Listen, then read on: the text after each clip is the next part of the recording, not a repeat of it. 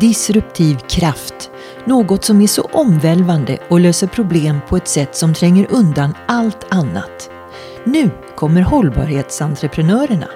Bara i hjärntillskott med Lydia.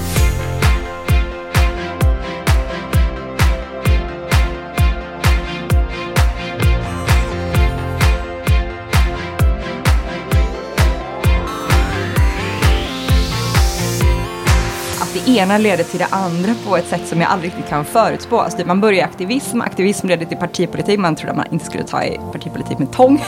sen från partipolitik hamnar man i entreprenörskap, sen hamnar man på singularity och så blir det tech och sen så blir det storbolagskonsultation.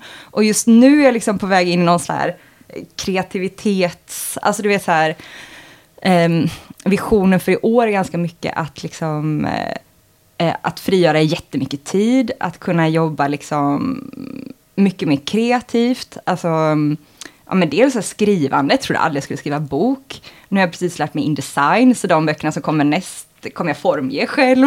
precis börjat med keramik. Alltså det finns något spännande i det här liksom, jag vet inte, olika faser i livet eller liksom, jag vet inte om vi ska komma in på det alls. Alltså hur mycket ska man prata om liksom personlig resa versus liksom teman? Vi tar det vi hinner. Ja. Jag kan säga så här, bara det här du sa nu var en kanonintroduktion. Ja, det var, det var det. jag, jag får säga så här, hej Rebecka Karlsson! Hej!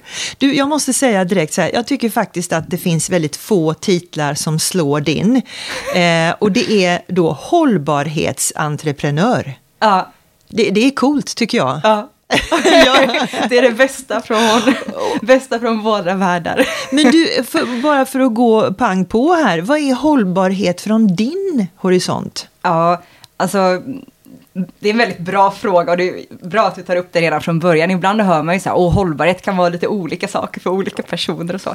Men det finns ju en definition av hållbarhet som kom 1987. Så den är, definitionen av hållbarhet är exakt lika gammal som jag själv är. Vi föddes samtidigt och den kommer från Brundtland-definitionen. Så Gro Harlem Brundtland la fram den så kallade Brundtland-rapporten till FN 1987. Och där definieras hållbarhet eller hållbar utveckling som en utveckling där dagens generationer kan möta sina behov utan att äventyra kommande generationer om deras möjlighet att också möta sina.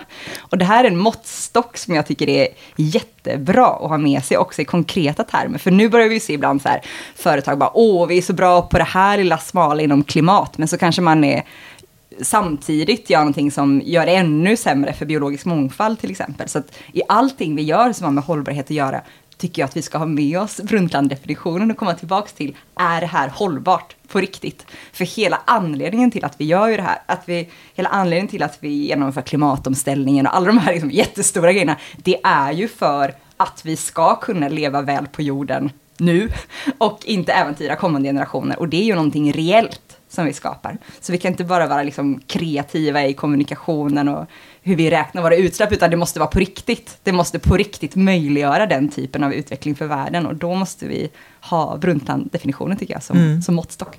Och Rebecka, jag träffade dig redan för några år sedan mm. och du har ju samma energi då som nu. Du har ju inte mm. tröttnat. Nej, nej, snarare tvärtom. Alltså, det området som jag verkar i blir ju verkligen roligare och roligare och eh, mer konkret och handfast och kreativt. Alltså jag började jobba med klimatfrågan 2006 och då var ju klimatfrågan i någon slags här kriskommunikationsfas. Allting vi kommunicerade ut var liksom, världen måste vakna, måste förstå att klimatförändringen är på riktigt. FN måste anta ett globalt, rättvist och bindande avtal i Köpenhamn några år senare. Var liksom, det var kommunikationen. Näringslivet var till stora delar emot. Nej. De tyckte bara miljöskatter och aktivister var superjobbiga. Ja, va, här blir ingen, här blir ingen, bara blockerade alla förhandlingar och så vidare. Men framförallt um, men bara de allra senaste åren, egentligen från uppladdningen till Parisavtalet. Då jobbade jag som politisk sakkunnig hos klimat och miljöministern. Då upplevde jag så här, åh gud, nu, nu vänder det. För helt plötsligt så ville stora delar av näringslivet vara med och, och möjliggöra Parisavtalet istället. Och det blev en helt total omvändning liksom. Så sen ja, men sen 2015 och framåt så har ju klimatfrågan gått in i en helt ny, helt ny fas. Och Varför fram, tror du det är så? Jag tror att man förstår att det här är på riktigt. Alltså det är blir... inte pengarna också lönsamheten? Jo. Man ja. ja, det är det. Du nickar med hela, ja. hela kroppen. Jo, men det är ju verkligen det. Det är ju lite som när många börjar, det är lite som när du förstår att en akt, snart kommer alla dra sig ur en viss aktie. Då vill du inte vara sist kvar för att det blir bra. Liksom. Och det är ju det som gäller, det är det som har hänt med klimat också. Att så här, hållbarhet och klimat, men framförallt hållbarhet nu, håller på att bli en av de liksom, allra största affärsmässigt disruptiva krafterna som finns. Man kan säga hållbarhet och digitalisering, eller hållbarhet och exponentiella teknologier som då är en vidareutveckling av digitalisering. Det är egentligen de två stora krafterna som helt kommer rita om affärslandskapet där, och samhället kommande åren och decennierna. Det här kommer att vara lika omvälvande som när digitaliseringen bara tog oss med storm. Ja, ja man, man kan likna det väldigt mycket på ett sätt. Alltså om du för tio år sedan så var det ju bara digitala företag som hade digital, eh, digitalisering liksom kärnaffären medan de flesta andra företag fortsatte med sin i essensen kanske icke-digitala affärsmodell och la lite digitalisering på toppen av en gammal affärsmodell. Men idag finns det ju inte så många företag med självaktning som inte tar sin affärsmodell och säger okej, okay, givet att digitaliseringen i allra högsta grad är verklig, hur uppgraderar vi själva kärnaffären för att dra nytta av den här megatrenden och få mer momentum ju längre in i framtiden vi kommer. Och precis samma sak händer ju nu med hållbarhet. Så för tio år sedan var det ju bara hållbarhetsföretag eh, som hade hållbarhet i kärnan av affären, medan de flesta fortsatte ju med sina i, liksom, essentiellt icke-hållbara affärsmodeller. Eh, kanske la på något CSR-projekt i periferin. Liksom. För att Men, det såg lite bra ut? Ja, ja. Eh, men, men du... snart finns det ju inte företag med riktig självaktning som är så här, givet att hela världsekonomin ska bli klimatneutral på tre decennier och hållbarhet håller på att bli en en av de absolut största megatrenderna. Hur uppgraderar vi själva kärnaffären så att den driver omställningen? Mm. Dit kommer vi nu. Men du, du har en annan fin titel. Du är klimataktivist. Du mm. skriver till och med och kallar dig själv för det fortfarande. Och mm. det, det är ju eh, lite kul för att förr, som vi precis pratade om, så var det här med aktivist, då var det lite, ja det var bråkstakar som var mm. jobbiga. Eh, vad, vad, hur yttrar sig din klimataktivism idag? Men det är ju en av de frågor jag tycker är allra, allra viktigast. Och det har varit det sen jag... 2006 fick jag upp ögonen för klimatfrågan på ett nytt sätt kan man säga. Eh, och förstod hur, ja, men hur ett gynnsamt klimat är grunden för så många andra frågor. När jag växte upp så...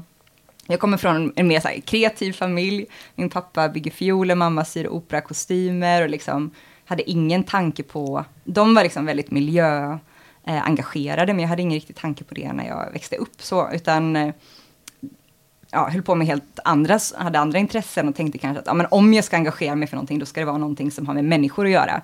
Anti-trafficking eller mot kvinnlig könsstympning eller för mänskliga rättighetsfrågor eller något sånt där. Men sen efter gymnasiet så åkte jag och min bästa kompis till Västafrika och backpackade runt och Eh, i norra Mali råkade vi hamna i väpnade konflikter som ju är liksom direkt klimatrelaterade. Och det här var 2006, och samma år som Al Gore började, liksom, och IPCC, FNs klimatpanel, började koppla ihop just mänsklig säkerhet, alltså krigsfrågorna, med ett gynnsamt klimat och ett stabilt klimat. Så det blev som en wake-up om att vi måste, vi måste säkerställa ett stabilt och, eh, och för människor gynnsamt klimat för annars kommer det rycka mattan för alla andra frågor, för mänskliga rättighetsfrågorna, för mänsklig säkerhet, alla de frågorna. Mm. Eh, det går liksom inte om vi inte har, alltså allt vi tar för givet idag är i grunden, eh, bygger på ett gynnsamt klimat. Mm. Och du är ju fantastisk på att skri eh, beskriva, men också beskriva eh, hur det här hänger ihop på ett väldigt pedagogiskt sätt. Men jag tänkte faktiskt ehm, eh, ta upp det här med tipping point. Mm. Eh, Greta Thunberg fokuserade ju väldigt mycket på att få med de unga på tåget. Mm. Eh, att sprida medvetenheten och använda den här ungdomliga kraften till att få andra att uppmärksamma just själva frågan. Mm. Eh, men eh, du fokuserar helt enkelt på företagen och näringsliv. Mm. Eh, och eh, det som är intressant är ju att du också levererar lösningar till företag, stora som små entreprenörer. Vad får du för gehör när du pratar om de här sakerna? Ja men det är ju enormt tryck nu, alltså de senaste åren man skulle kunna klona sig hur mycket som helst. Och det är ju för att alla ska ställa om nu samtidigt. Alltså näringslivet befinner sig i någon, man kan nästan beskriva det tycker jag som någon slags eh, positiv förvirring. liksom att för några år sedan så tror jag att de flesta företag började vakna upp till så här, oj det är på riktigt. Så här, hela världsekonomin ska ställa om, vi ska därmed också ställa om. Och man började anta klimatmål, en del började anta väldigt ambitiösa klimatmål i linje med forskningen. Långt ifrån alla är där, men en del har ändå gjort det. Och nu då kommer man ju till så här, uh oh, om vi nu ska leverera på det här målet, hur gör vi då? Mm. Och då går ju klimatarbetet över en helt ny fas som är handgriplig och den är kreativ och den är verkligen på riktigt. Man kan ta Ikea som exempel till exempel. Ikea står idag för 0,1 procent av världens totala utsläpp som enskilt företag. Så även om Sverige har små utsläpp, som man kollar på några av de svenska storbolagen så har de väldigt, har makt över väldigt stora utsläpp. Men Ikea står i alla fall för 0,1 procent av världens totala utsläpp och har sagt att de ska bli klimatpositiva till 2030. Då säger Jesper Brodin, som är deras vd, att ja, men i realiteten så har vi ju två, tre, kanske fyra år på oss att komma på alla lösningar för att sen hinna implementera det på riktigt, så att vi kan vara klimatpositiva till 2030. Det är en kort tid. Det är en kort tid, och särskilt när man har en produktportfölj som Ikea, då behöver du hitta på allt ifrån så lösningar för porslin. Ingen kotte i hela världen vet hur vi ska lösa det, eller skum i madrasser, eller du vet så här, alla lösningar som finns i vi vet ju själva hur det ser ut i ett IKEA-varuhus, liksom. Att på riktigt hitta lösningar som tar ner utsläppen till noll. Men är det trovärdigt? Kommer de att lyckas? Det återstår att se, men det de... Alltså, det finns saker som förändras i approachen och det, en sak är ju att samarbeta mycket mer och i mer liksom eh, systemiska och komplexa samarbetsformer. Så man behöver ju arbeta med underleverantörer och startups och scale-ups på helt andra sätt. Och så har man också som ambition att liksom bli mer systemförändrande, så att om man kommer på lösningar, att också kommunicera dem vidare så att andra företag snabbt kan komma efter. Alltså lite på samma sätt som Tesla släppte en del patent fria, så att andra biltillverkare snabbare skulle kunna komma med på elbilståget, så att, ladd, så att det i sin tur skulle skapa liksom incitament för laddinfrastrukturen att byggas ut från politiskt håll och så vidare. Så att det, logiken i hur företag ändras, ändras också med klimatomställningen på ett sätt, för att, eh, för att vi går från att liksom här är min kund, jag löser ett smalt problem och så försöker jag göra det på så effektivt sätt som möjligt i, liksom, i startup eh, ekosystemet så drillas vi ganska mycket i något som kallas för lean-metodiken, som ju handlar om att liksom skapa väldigt effektiva processer kan man säga, väldigt smala processer. Men det vi vill göra inom hållbarhet för att komma åt de här riktigt stora utsläppen ibland, det är ju att ta tag i men, mycket mer systemiska frågor. Vi ska komma in på det systemiska, det ja. låter flummigt, systemiska. Ja. Men vi ska återkomma till det alldeles strax. De stora de, frågorna. De stora frågorna. Men du, det här som man eh, ibland läser då, att, eh, att det förutspås att om tio år så kommer 40 procent av de 500 mest framgångsrika företagen inte finnas längre. Mm. Är det på grund av att de inte har fattat den här grejen? Det är ju till stor del kopplat till digitalisering, kanske snarare än hållbarhet, men hållbarhet blir också en disruptiv kraft. Att de här, men just den Eh, prediktionen om eh, att 40 procent av Fortune 500-bolagen skulle liksom, vara disruptade om tio år, den är nog ganska mycket kopplad till digitaliseringen och hur digitaliseringen driver den här exponentiella teknologiska utvecklingen av en bredd av teknologier som i sin tur då gör det möjligt att skapa helt nya lösningar som mm. omkullkastar gamla affärsmodeller och så. Du, Man säger att de kommande hundra åren kommer motsvara 20 000 år av teknologisk utveckling. Alltså om man jämför de senaste hundra åren så har det varit jättemycket teknologisk utveckling. Bara senaste tio åren har det för tio år sedan kom första smartphonen, eller, eller första iPhonen. Så det har ju, men om man jämför de kommande hundra åren, då kommer de motsvara 20 000 av teknologisk utveckling. Och det är ju så mycket att vi knappt kan ta in hur, hur snabbt utvecklingen kommer gå. Bara ja. till 2030 tycker jag att det är nästan helt omöjligt att ens förutspå. Vad kommer vi vara då? Jag såg en föreläsning igår på YouTube med ja, en kille som förutspår att 100% av energin kommer vara solenergi 2030. Om det blir exakt så, det återstår att se, men han hade goda belägg för varför solenergi är också en exponentiell teknologi. Vi får hoppas att det är the good guy som kommer på grejerna och ja. inte några andra. Ja. Eh, men du, eh, efterfrågan, det, är inte, det handlar ju egentligen inte bara om företag som släpp, ska släppa ut mindre utsläpp och så vidare. Efterfrågan av hållbara produkter och tjänster mm. verkar ju drivas på um, ju fler katastrofer vi har framför oss. Ja. Så det, det, är också så lite uppfinningarnas mode att vi måste se skiten hit the fan så att säga. When the shit hit the mm. fan, då händer det grejer. Mm. Eh, det är lite läskigt men samtidigt ehm, så går det ju fortare när det är ehm, katastrofer. Mm. Jo men det är, helt, det är helt korrekt och vi kommer ju att uppleva, det finns en paradox i det där att eh, de kommande decennierna så kommer vi att uppleva konsekvenserna av den ohållbara utvecklingen på ett helt annat sätt än vad vi har gjort tidigare. Alltså nu är vi helt chockade över att det är en pandemi till exempel, men de som forskar på ekosystem har ju sagt i flera decennier att vi kommer se en ökning av pandemier om vi fortsätter att behandla den biologiska mångfalden på det sätt som vi gör nu. För vad vi gör är att vi driver vilda djur nära varann på ett onaturligt sätt. Vi driver vilda djur närmare boskap på ett onaturligt sätt och människor. Och det som gör då är ju att man ökar sannolikheten för att smitta ska överföras på ett sätt som, inte, ja, som är väldigt onaturligt helt enkelt. Så det är ju en, och sen ett varmare och fuktigare klimat på det här till exempel. Så mm, vi kommer ju att uppleva konsekvenserna av den ohållbara utvecklingen framåt på ett sätt som vi inte har gjort tidigare. Och det kommer, precis som du säger, att, att snabbt ändra bilden av efterfrågan. Alltså om vi tycker att det är mycket fokus på hållbarhet idag, vilket det ju är, men det är ändå ingenting mot hur mycket fokus vi kommer ha på hållbarhet och hur mycket efterfrågan det kommer finnas på hållbara produkter och tjänster om två år, fem år, tio år. Det behöver man ju också ha med när man gör sina scenarior. Så här, vad ska vi satsa på? Så här, ja, du kan räkna med att efterfrågan på hållbarhet kommer vara väldigt mycket högre än vad den är idag. Mm. Det, det, är också som en exponentiell trend. Liksom. Men det som, det som också blir möjligt nu, det är ju att ta fram lösningar som möter de egentliga användarbehoven, men med radikalt mindre utsläpp. Så givet att teknikutvecklingen har kommit så långt, givet att förnybar energi många gånger är billigare än icke förnybar till exempel och är exponentiella teknologier, vilket betyder att de blir väldigt snabbt billigare.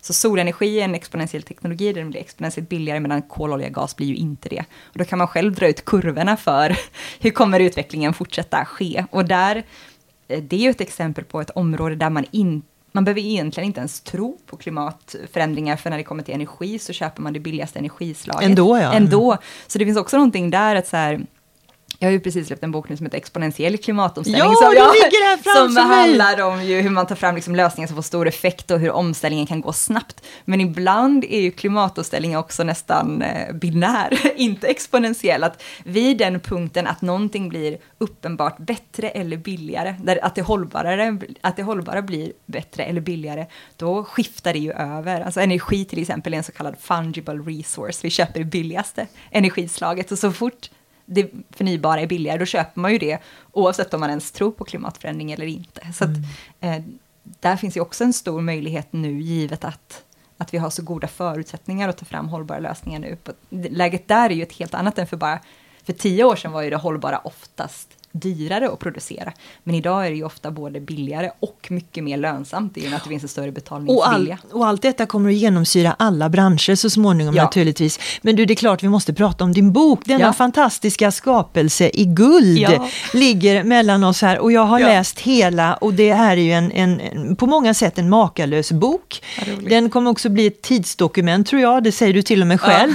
För utvecklingen går ju så fort så snart kommer det här vara, in, in, inte gammal skåpmat, absolut inte, men, men här kan vi inspireras. Ja. För, för, du säger ju själv att det här är en, en guide för alla de som vill utveckla framtidens hållbara företag med klimatlösningar.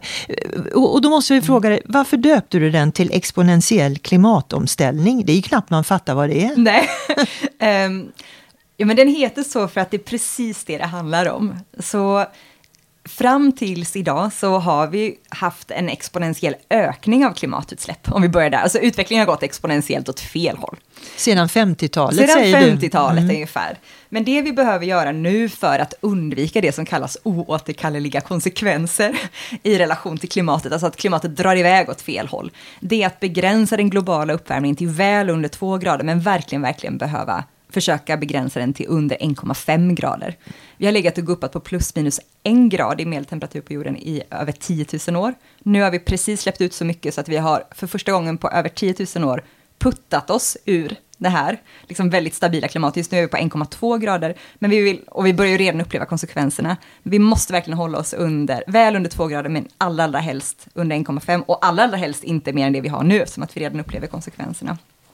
Och det här är möjligt om vi följer någonting som kallas för carbon law. Så vi behöver pika utsläppen 2020, halvera utsläppen varje decennium och nå nollutsläpp 2050. Så hela, det kan man till och med memorera. Ibland känns ju klimatfrågan abstrakt och svår att greppa. Men carbon law kan man ju till och med memorera. Så pika utsläppen 2020, halvera dem varje decennium och nå nollutsläpp 2050. Och rikare aktörer gå ungefär dubbelt så snabbt fram. Mm. Så i vår del av världen ska vi halvera våra utsläpp ungefär vart femte år. Mm. Och då minskar vi utsläppen tillräckligt snabbt. Så det är det som är liksom, det är ice on the price. Halverar vi våra utsläpp vart femte år och tar vi fram lösningarna som gör det möjligt för andra också att, mm. att minska sina utsläpp i den takten. Så istället för att, då att ut, äh, istället för att öka utsläppen exponentiellt så behöver vi ju nu minska dem exponentiellt. Och det är det som boken handlar om. Ju. Så här, hur kan vi ta fram klimatlösningar som på ett så storskaligt och snabbt sätt i helt reell takt klipper utsläppen. Eh, och det är fullt möjligt då, menar jag.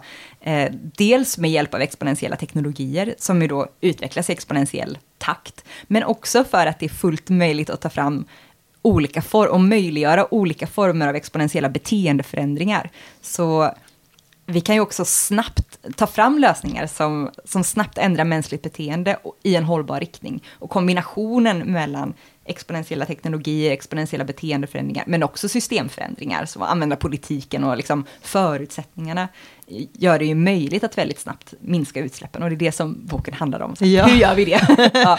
En fantastisk skapelse som sagt var på över 400 sidor. Men du, eh, det lätt är ju redan, du har redan tagit den här, det är lite crash course ja. över, över utsläppen. Sen när man kommer till mittendelen så levererar du 100 klimatlösningar och 15 hållbarhetstrender. Mm. Du måste ge några exempel här, för det är ju, eh, apropå hållbarhetstrender och, och klimatlösningar, Kommer det bli vanligare så som vi ser, har sett ganska nyligen att stålindustrin får konkurrens av sin egen industri som gör grönt stål istället. Mm. Eh, och då faktiskt från aktörer som egentligen håller på med helt andra saker. Ja, det kom ju ett nytt stål utan kolföretag som lanserades bara nu för någon vecka sedan. Eh, eller gick ut och liksom... Eh, tidigare har man pratat mycket om Hybrid som ja. ju är LKAB, SSAB och eh, Vattenfalls initiativ, men nu kommer ju ja, kommer ju ytterligare då, eh, konkurrenter till och det dem kan vi säga, Så det går ju extremt snabbt. Ja, i, och vi kan ju eh, säga det är alltså eh, Daniel Ek, Spotify, som håller på med andra saker. Mm. Och Kristina eh, Stenbeck, eh, Zalando säger då, hon mm. håller på med kläder, hon är ju inte bara det naturligtvis.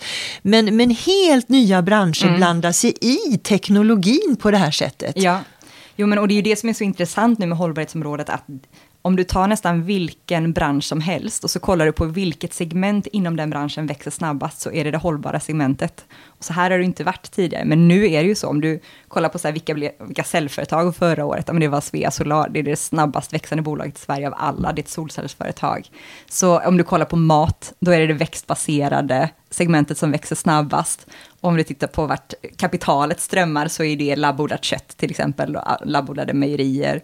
Så att om du kollar inom bil och fordonsteknologin, ja men då är det ju batteriteknik, det är elektrifiering. Alltså, och solcellsbilar. Och solcellsbilar, det är ett bra exempel. En klasskompis, eh, jag studerade någonting som heter Singularity University tidigare och um, men en klasskompis där, Lex till exempel, har utvecklat världens första familjesolcellsbil.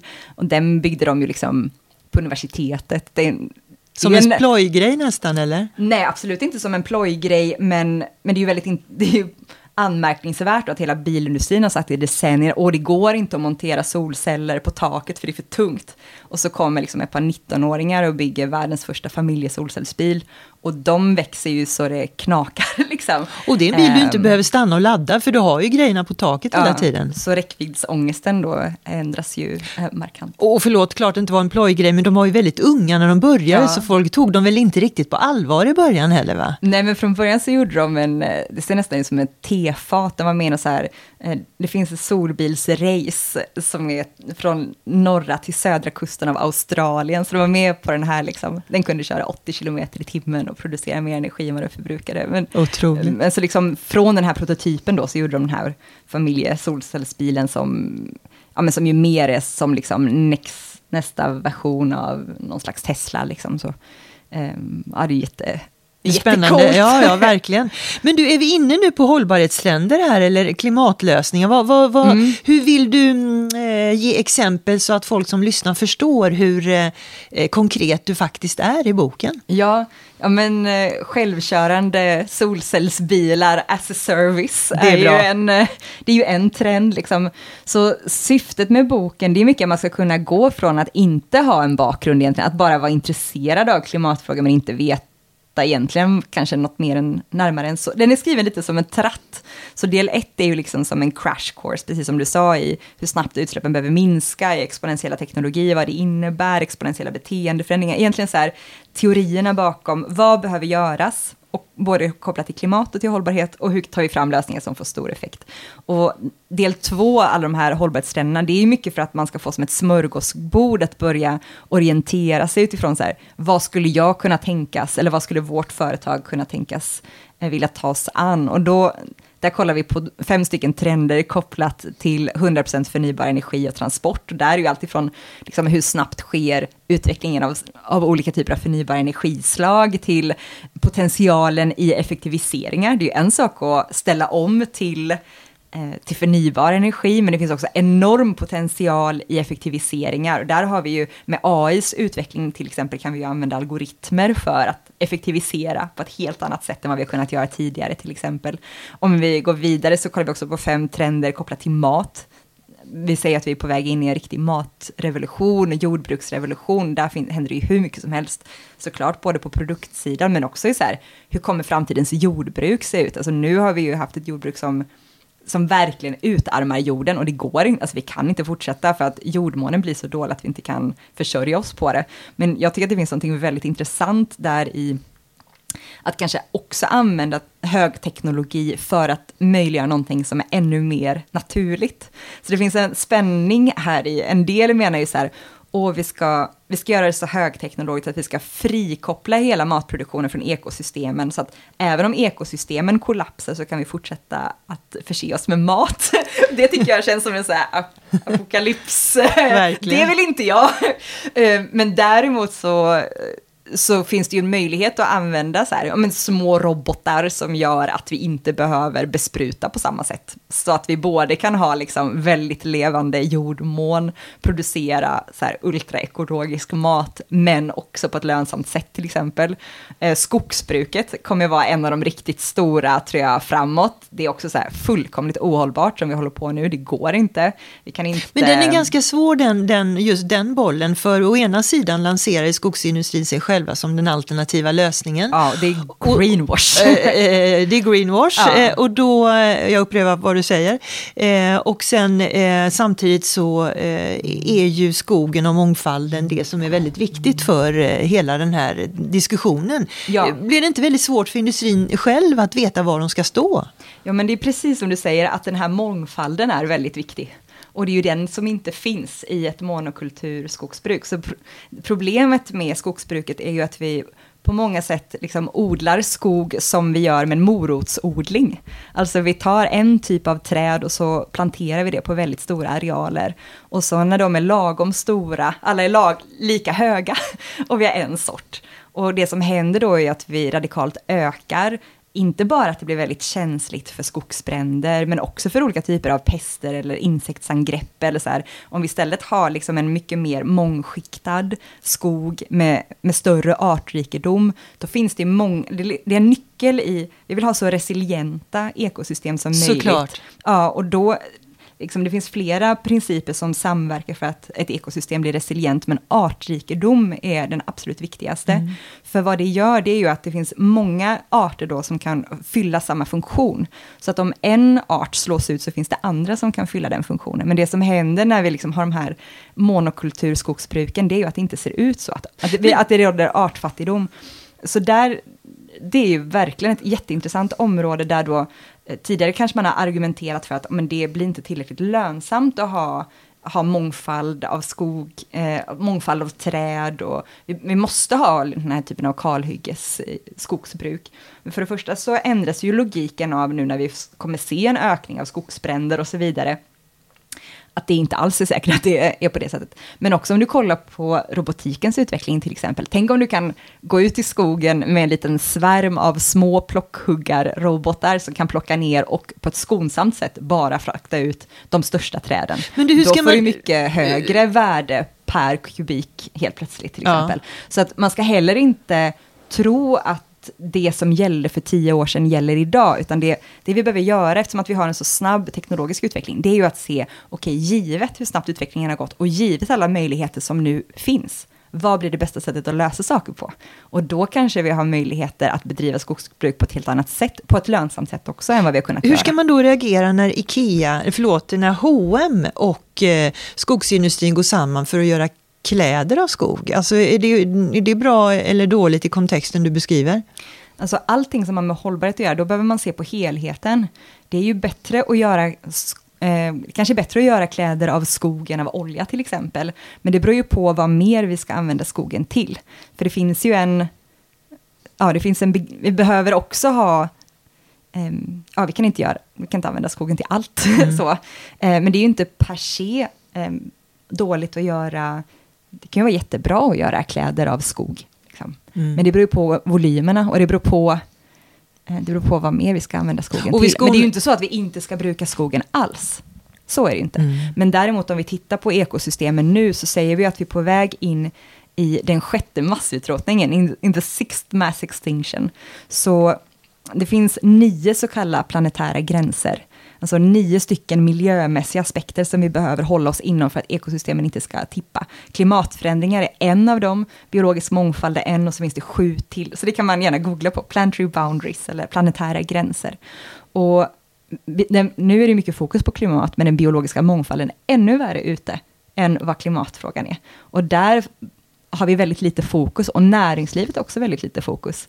Eh, jag såg någon undersökning där man hade låtit det var typ 400 företag, eh, kryssa i vilka av FNs globala mål, de här 17 eh, globala målen som de aktivt jobbar med. Och av de tillfrågade där så var det 2% som aktivt jobbade med biologisk mångfald. Och då är biologisk mångfald den aspekt som är viktigast av alla för en hållbar utveckling överhuvudtaget, där vi står nu. Så vi måste verkligen förhålla oss holistiskt i relation till, till våra ekosystem och möjliggöra att de kan fortsätta fungera på ett bra sätt. Men du, du föreläser ju för företag och sådär. Vad, vad säger du till de företag som säger eh, ja, vi, vi agerar hållbart eh, trots att vi levererar material till kärnkraftverk och så vidare. Nu är kärnkraftsfrågan just eh, väldigt eh, aktuell och känslig. Men eh, som levererar material till exempel till olja och gasutvinnare och så vidare. Eh, men de ser sig ändå som hållbara tills det kommer andra lösningar. Vad, vad, är, är det ett hållbart företag? Nej, det, det, är det såklart inte. Uh, men de flesta vet nog vartåt det barkar ändå. Sen kanske man ändå inte vet exakt hur, hur man ska ställa om. Men det är, det är få som jag möter som, som argumenterar på det sättet. Och framtida talanger och sådär som då ska in i, jag menar industrin eh, ropar ju väldigt mycket efter mm. ingenjörer och så vidare fortsatt. Är det är det mm, de framtida talangerna som kommer avgöra vilka företag som överlever eller är det politiken? För har man inte arbetskraft som kommer och, och löser de här olika utmaningarna eftersom man av olika skäl inte vill jobba med icke hållbara företag, mm. då blir det ganska svårt för dem att överleva. Ja. Så, så är, det, är, det, är det folket, visar vi med fötterna var skåpet ska stå, eller är det politiken som gör det tror du? Jag tror det är ju en jättestor bidragande kraft nu, liksom hela employer branding kopplat till hållbarhet, precis som du säger, dagens generation arbetskraft och framförallt dagens generation unga vill ju mer än någonting annat arbeta för. Bolag som inte bara tar bort det sämsta, utan som verkligen ligger och är mer pionjärt i framkant när det gäller, till, när det gäller hållbarhet. Och det, det märker jag ju, den kommentaren får jag hela tiden så här, vi vill satsa på det här också för att attrahera den mest ja, den bästa arbetskraften. Där är man väldigt medveten eh, från många företags håll om att vi måste satsa på hållbarhet också för att attrahera den bästa arbetskraften. Mm. Så det, det är klart att det kommer vara jätte... Det driver absolut omställningen, den medvetenheten. Sen så kommer vi också se, tror jag, en snabb ökning av stöd för mycket mer progressiv klimat och miljöpolitik.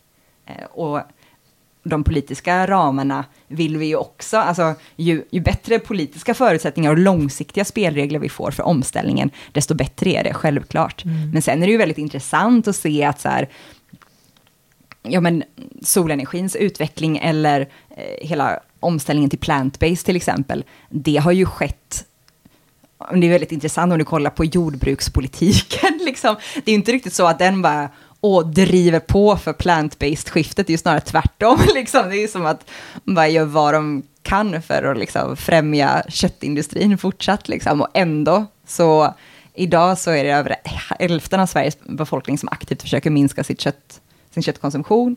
Och om du kollar bland målgruppen tjejer, 15 till 25 till exempel, så är det nu mellan eh, så är det över 20 procent som är veganer eller vegetarianer.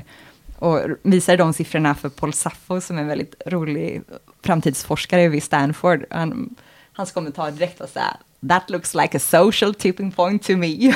han ser ut som en cowboy. Han var så här, oh, intressant, så här, undrar hur många år till innan det verkligen tippar över och blir mainstream. Så här, här är det här är nog nära, ja. med ett rejält skifte, så, eh, beteendemässigt eller attitydsmässigt. Paul Saffo, en legendar. Men ja. du, eh, enligt, om vi ska gå tillbaka till företagens verklighet då, eh, och det är ju deras verklighet såklart här hela tiden, men det finns ju en aktiebolagslag som mm. du mycket riktigt tar upp i boken som jag tycker är intressant. Mm. Och då måste bolag ha som överordnat mål att maximera vinstutdelningen till aktieägarna. Det vet ju de mm. flesta. Mm. Men ingen eh, för de bolag som vill maximera sin hållbarhetspåverkan. Eh, och, och, då är vi inne på BNP och allt det här med att BNP är mer en beskrivning av en aktivitet i ett land snarare ett mätverktyg. Och det är mm. samma sak med, med det här. Alltså, eh, hur, hur ska man ehm, påverka eh, företags eh, visioner och målsättning när de faktiskt styrs av den här aktiebolagslagen på det här sättet? Men jag tycker att vi skulle utveckla en, en ny tredje aktiebolagslag och det är en av de konkreta liksom, eh, frågorna som jag gärna skulle jobba lite mer konkret med om andra vill gå ihop för det och så. Så nu har vi ju aktiebolagen, ABL i Sverige och sen så för några år sedan så kom den här aktiebolagslagen med liksom begränsad vinstutdelning som ju framförallt välfärdsbolag har. Och vad det ger då, det är ju att Alltså man kan ha som övermål, överordnat mål att leverera vinst, eller att leverera lite mindre vinst då, med den nya. Eh, men om man kollar i USA till exempel, så finns det någonting som heter B-corp istället för C-corp.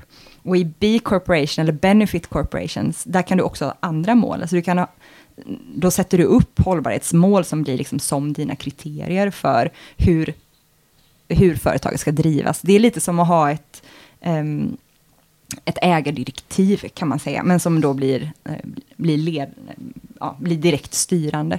Så det vore väldigt bra tycker jag, och, och utveckla, det vore på tiden och i tiden att utveckla motsvarande aktiebolagslag också i Sverige, där man mer uttalat kan ha som mål att driva omställningen till hållbarhet på vissa givna då, kriterier.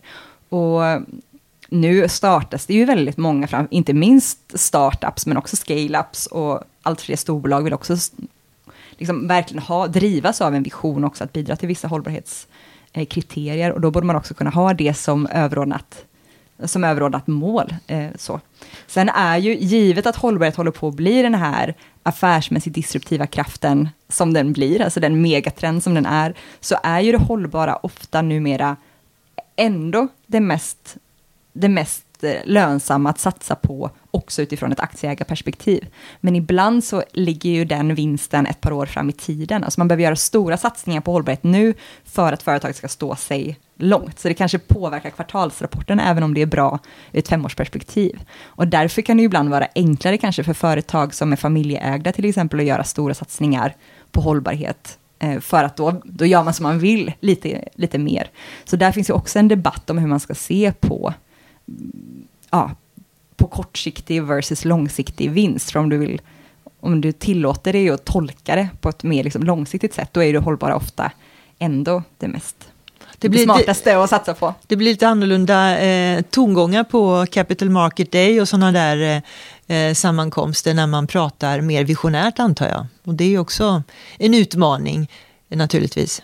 Ja, men det är ju återigen likt digitalisering. Alltså, digitalisering är inte alltid det mest lönsamma att satsa på kortsiktigt heller, om du ska liksom helt ställa om en affärsmodell utifrån det heller. Men att uppgradera din affärsmodell utifrån de megatrender som är på ingång, det är ju en bra idé på lite längre sikt. Och det, hållbarhet är ju en sån faktor deluxe. Liksom. Du, det, den tredje delen i boken, eh, ja. då ska det alltså ses som ett verktyg ja. du kan använda för att utveckla egna exponentiella klimatlösningar eh, eh, för framtidens hållbara företag. Åh, oh, vad spännande. Men du, mm. innan du går in på det här, hur, hur, du som entreprenör, du måste se affärsidéer hela tiden som du vill ja. gå vidare med, va? Eh, jag har så små lådor hemma som jag lägger i post-it. Så när jag får nya affärsidéer så skissar jag ner dem och så lägger jag dem i en låda. Hinner du förverkliga dem då? Men några hinner ju förverkliga, men eh, eh, men om det är några som hör det här som vill starta nya bolag och vill ha riktigt bra affärsidéer så får ni jättegärna ringa mig faktiskt. För jag har en bank med några hundra jättebra affärsidéer som jag gärna skulle, som någon annan gärna får sjösätta. Man hinner ju inte. Men investerare borde vara jätteintresserade av att och, och titta i dina små lådor. Ja, de får också jätte, jättegärna ringa. ja, men det är ju så nu, för att det är ju tydligt vilka trender som är på ingång och så är det tydligt vilka saker som behöver ha lösningar och då, ja, det finns ju x antal bolag då, då därmed som borde finnas men som inte finns än. Liksom. Kan du ge något exempel här och nu? Ja, jag kan ge ett eh, vegansk hundmat är en sån. Om man kollar på hundmat, eh, så varje hund äter under sin livstid mellan 2000 och 6000 djur. Varje hund. I Sverige bara. Det är, helt, makalöst. det är helt makalöst. Bara i Sverige så finns det 881 400 hundar. Och fler blev de under pandemin Och fler blev de under pandemin. Ja. Så då kan vi gångra 881 400 hundar gånger mellan 2000 och 6000 djur, då som de äter i sin tur styck. Och om man kollar i USA så går ungefär 25 procent av animalieproduktionen till hundmat, eller djurmat, eh, vilket det är, ex, alltså, det är så mycket utsläpp bara där. Så jag tycker också att det är, jag har liksom gått fram och tillbaka mellan att starta små startups och att verka i politiken och liksom mer kopplat till FN-processerna eller kopplat till regeringskansliet. Så. Men jag tycker att det finns något väldigt spännande i att ut, att kolla på de här, liksom, vilka affärslösningar är det som i, ett, en, i en enda affärsidé skulle kunna klippa, liksom, alltså vilka nya produktkategorier är det som saknas men som skulle få väldigt stor impact. Men du Rebecka, det är ja. briljant. Jag tänker, jag är inte hundägare, men hade jag varit ja. det, så om jag ska köpa ekologisk mat till mig själv, det är klart jag gör likadant för hunden då. Ja. Om jag dessutom kan bidra att det är bra mat, men framförallt att inte medverka till, eh, eh ja i förlängningen, eh, kostsam eh, djurproduktion. Ja, och växtbaserat framförallt. Eh, ja. Nej men det är fantastiskt. Mm. Bra, bra idé. Och där sker, jag har en vän i Kalifornien som, som har ett sånt här veganskt hundmatsföretag. Eh, så de, eh, i nuläget så producerar de det ganska likt eh, korn. Så ja, i stora, alltså stora bioreaktorer. Men sen kollar de också ganska mycket på Alltså det labbodlade är fortfarande dyrt, men också en exponentiell teknologi, så det är nog inte så många år bort tills man börjar labb, liksom, blanda in labbodlat kött kanske i vegansk hundmat också. Det och detta var en av Rebeckas många lådor. Ja. Och om någon vill starta det företaget så ring. du, eh, och du har säkert mer här, men, mm. men eh, har vi pratat färdigt om del 3, det här verktyget? Nej. Nej, det kan vi inte ha gjort. Nej, den, så det här verktyget då, det heter Sustainable Business Canvas och det finns ett affärsutvecklingsverktyg som heter Business Model Canvas som Alexander Osterwaller utvecklade för ett bra tag sedan. Det är ganska välkänt Eh, och sen så finns det också någonting som heter lean-metodiken eller lean canvas som, som också är. Så att vad sustainable business canvas är, det är liksom en hållbarhetsanpassning av de här verktygen kan man säga. Så jag har utvecklat tillsammans med Stockholm Resilience Center och Alba Eko och vad vi ville göra var just att ta fram ett affärsutvecklingsverktyg för alla bolag som vill utveckla hållbara affärsmodeller utifrån den senaste hållbarhetsforskningen, men som också har ett skalbarhetsperspektiv. Alltså hur, hur tar vi fram affärsmodeller som blir framgångsrika, skalbara och hållbara? Både på befintlig verksamhet och eventuella nya startups, så ja, att säga. Mm. Ja, så att med befintlig kan du liksom screena din verksamhet utifrån verktyget. Alltså vad det, vad det är, det är egentligen de nio komponenter som är mest som är viktigast för att ett hållbart företag ska bli framgångsrikt. Så att du använder ju ett affärsutvecklingsverktyg för att på ett systematiskt sätt ställa dig och svara på alla de här viktiga frågorna som annars snabbt kommer ikapp, typ vem ska din betalande kund vara, eller eh, vad är våra styrkor egentligen, eller hur ligger bygger vi liksom optimerade processer och så vidare. Så mm, Sustainable Business Canvas är de nio komponenter som är viktigast att, att få till och också sätta ihop på, till en bra helhet för att ett hållbart företag ska bli, ska bli framgångsrikt. Så det, den delen kan också användas fristående. Och nu, eh, om ett par veckor, så skickar jag också den som, till tryck som ny bok, både på svenska och engelska, så den kommer eh, Ja. Som är utöver den här som du har skrivit nu alltså?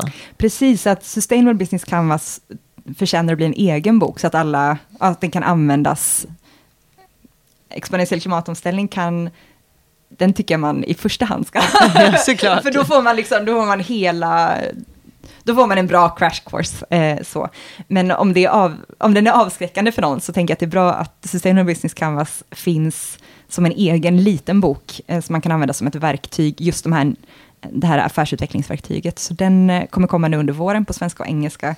Och sen håller på att översätta hela boken, så den kommer på engelska eh, 7 september, bestämde vi igår, eh, lanseringsdatum för. Fantastiskt. Mm. Men du, vad är, vad är, det, det känns nästan dumt att fråga, vad är nästa grej?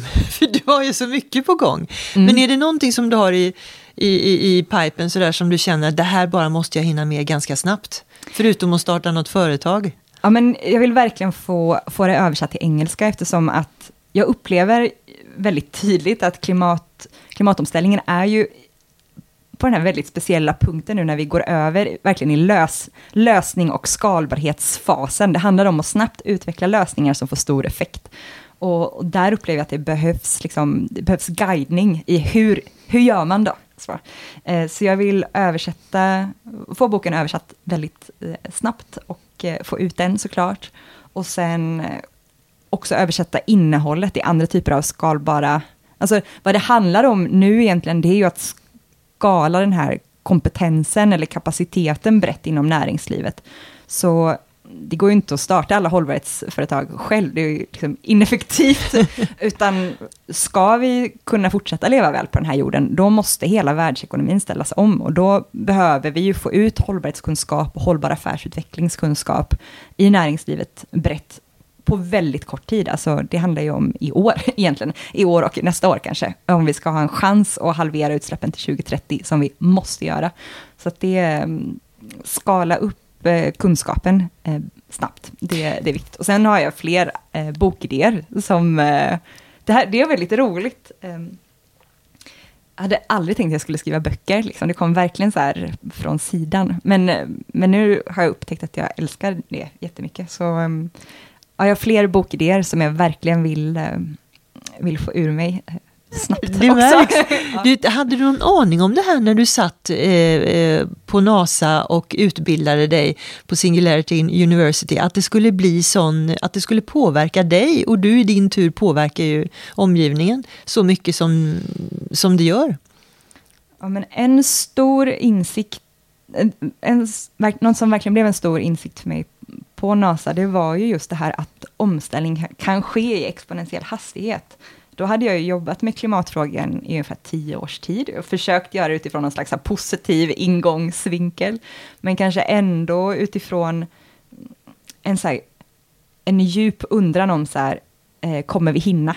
Det här, eh, mycket går åt rätt håll, men det går alldeles för långsamt. Liksom Eh, och det som jag insåg när jag hade suttit och stirrat på tillräckligt många exponentiella kurvor för den teknologiska utvecklingen och sen också för eh, potentialen att få till exponentiella beteendeförändringar och sociala rörelser, det är ju just att det är möjligt att ta fram lösningar som väldigt snabbt tar utvecklingen åt rätt håll. Det betyder inte att det, det kommer inte göra sig av sig självt. Vi måste utveckla de lösningarna för att de ska finnas, men det är möjligt. Och givet att vi kan ta fram lösningar som väldigt snabbt tar utvecklingen åt rätt håll, så är det inte för sent. Eh, Paul Hawken som har tagit fram något som kallas för The Drawdown Project, som är liksom en sammanställning också av massa eh, klimatlösningar som också finns med i boken. Eh, han säger when it comes to climate it's not game over, it's game on. Eh, och det summerar ju väldigt mycket hur det är, att, att det är nu det är nu det verkligen är dags att kavla upp ärmarna, för det är nu vi har gått in i the decade of climate action. 2030 ska utsläppen vara hälften jämfört med 2020. Så under de kommande tio åren nu, så kommer vi att göra större utsläppsminskningar än vad vi har gjort och kommer göra genom hela jordens historia. Så att det är nu liksom, ja, det är nu det verkligen är handlingskraftsläge ju. Jag kommer sova lite bättre i natt efter det här samtalet med dig, Rebecka, faktiskt. Ja, kul. Men sen tycker jag också att det är viktigt för att bara för att det finns en möjlighet att vi genomför en exponentiell klimatomställning så görs den ju inte, alltså vi måste göra den, det finns ingen annan som kommer göra den, utan varenda företag och varenda liksom, aktör som idag bidrar med lösningar på mänskliga problem, men som indirekt kommer med stora utsläpp, måste hitta nya lösningar för dem. Det, så vi, vi måste göra det. Nu. Nu. På riktigt. Inte bara tycka att det är inspirerande att vi skulle kunna göra det, utan verkligen göra det. Tack Rebecka för att du kom hit. Tack.